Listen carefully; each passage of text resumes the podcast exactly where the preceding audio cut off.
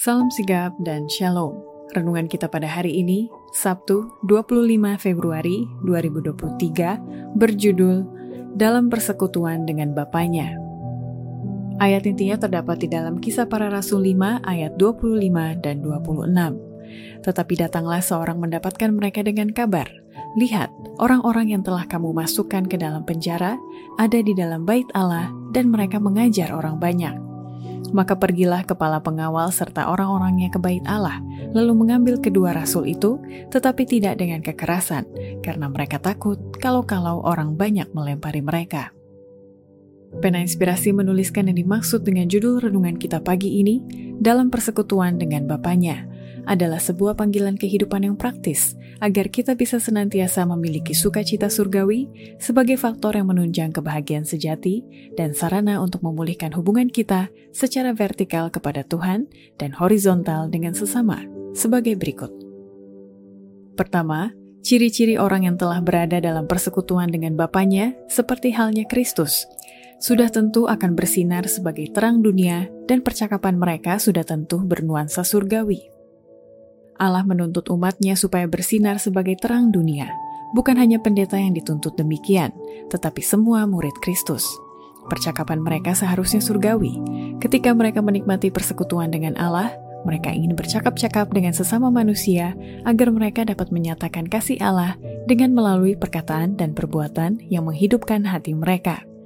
Dalam hal ini, mereka akan menjadi terang kepada dunia ini, dan terang yang mereka pantulkan tidak akan padam atau dimatikan. Kedua, ciri-ciri orang yang telah berada dalam persekutuan dengan Bapaknya, seperti halnya Kristus, sudah tentu tidak akan menolak pelayanan bagi Kristus yang akan memberikan kekuatan dan kemuliaan tabiat. Mereka yang menolak kesempatan persekutuan dengan Kristus dalam pelayanan berarti menolak satu-satunya latihan yang melayakkan kita berpartisipasi dengan Dia dalam kemuliaannya. Mereka yang tidak menolak latihan yang dalam hidup ini memberikan kekuatan dan kemuliaan tabiat. Ketiga, ciri-ciri orang yang telah berada dalam persekutuan dengan Bapaknya, seperti halnya Kristus, sudah tentu kehidupan mereka sehari-hari akan dipenuhi oleh suasana surga yang menyehatkan tubuh, menguatkan intelek, dan membahagiakan jiwa.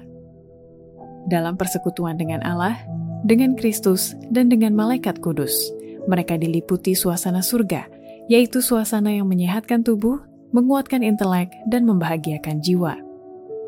Keempat, ciri-ciri orang yang telah berada dalam persekutuan dengan Bapaknya seperti halnya Kristus, sudah tentu tidak menjaga perasaan dan reputasinya mudah terluka demi untuk menyelamatkan jiwa-jiwa dengan pertolongan persekutuan Roh Kudus.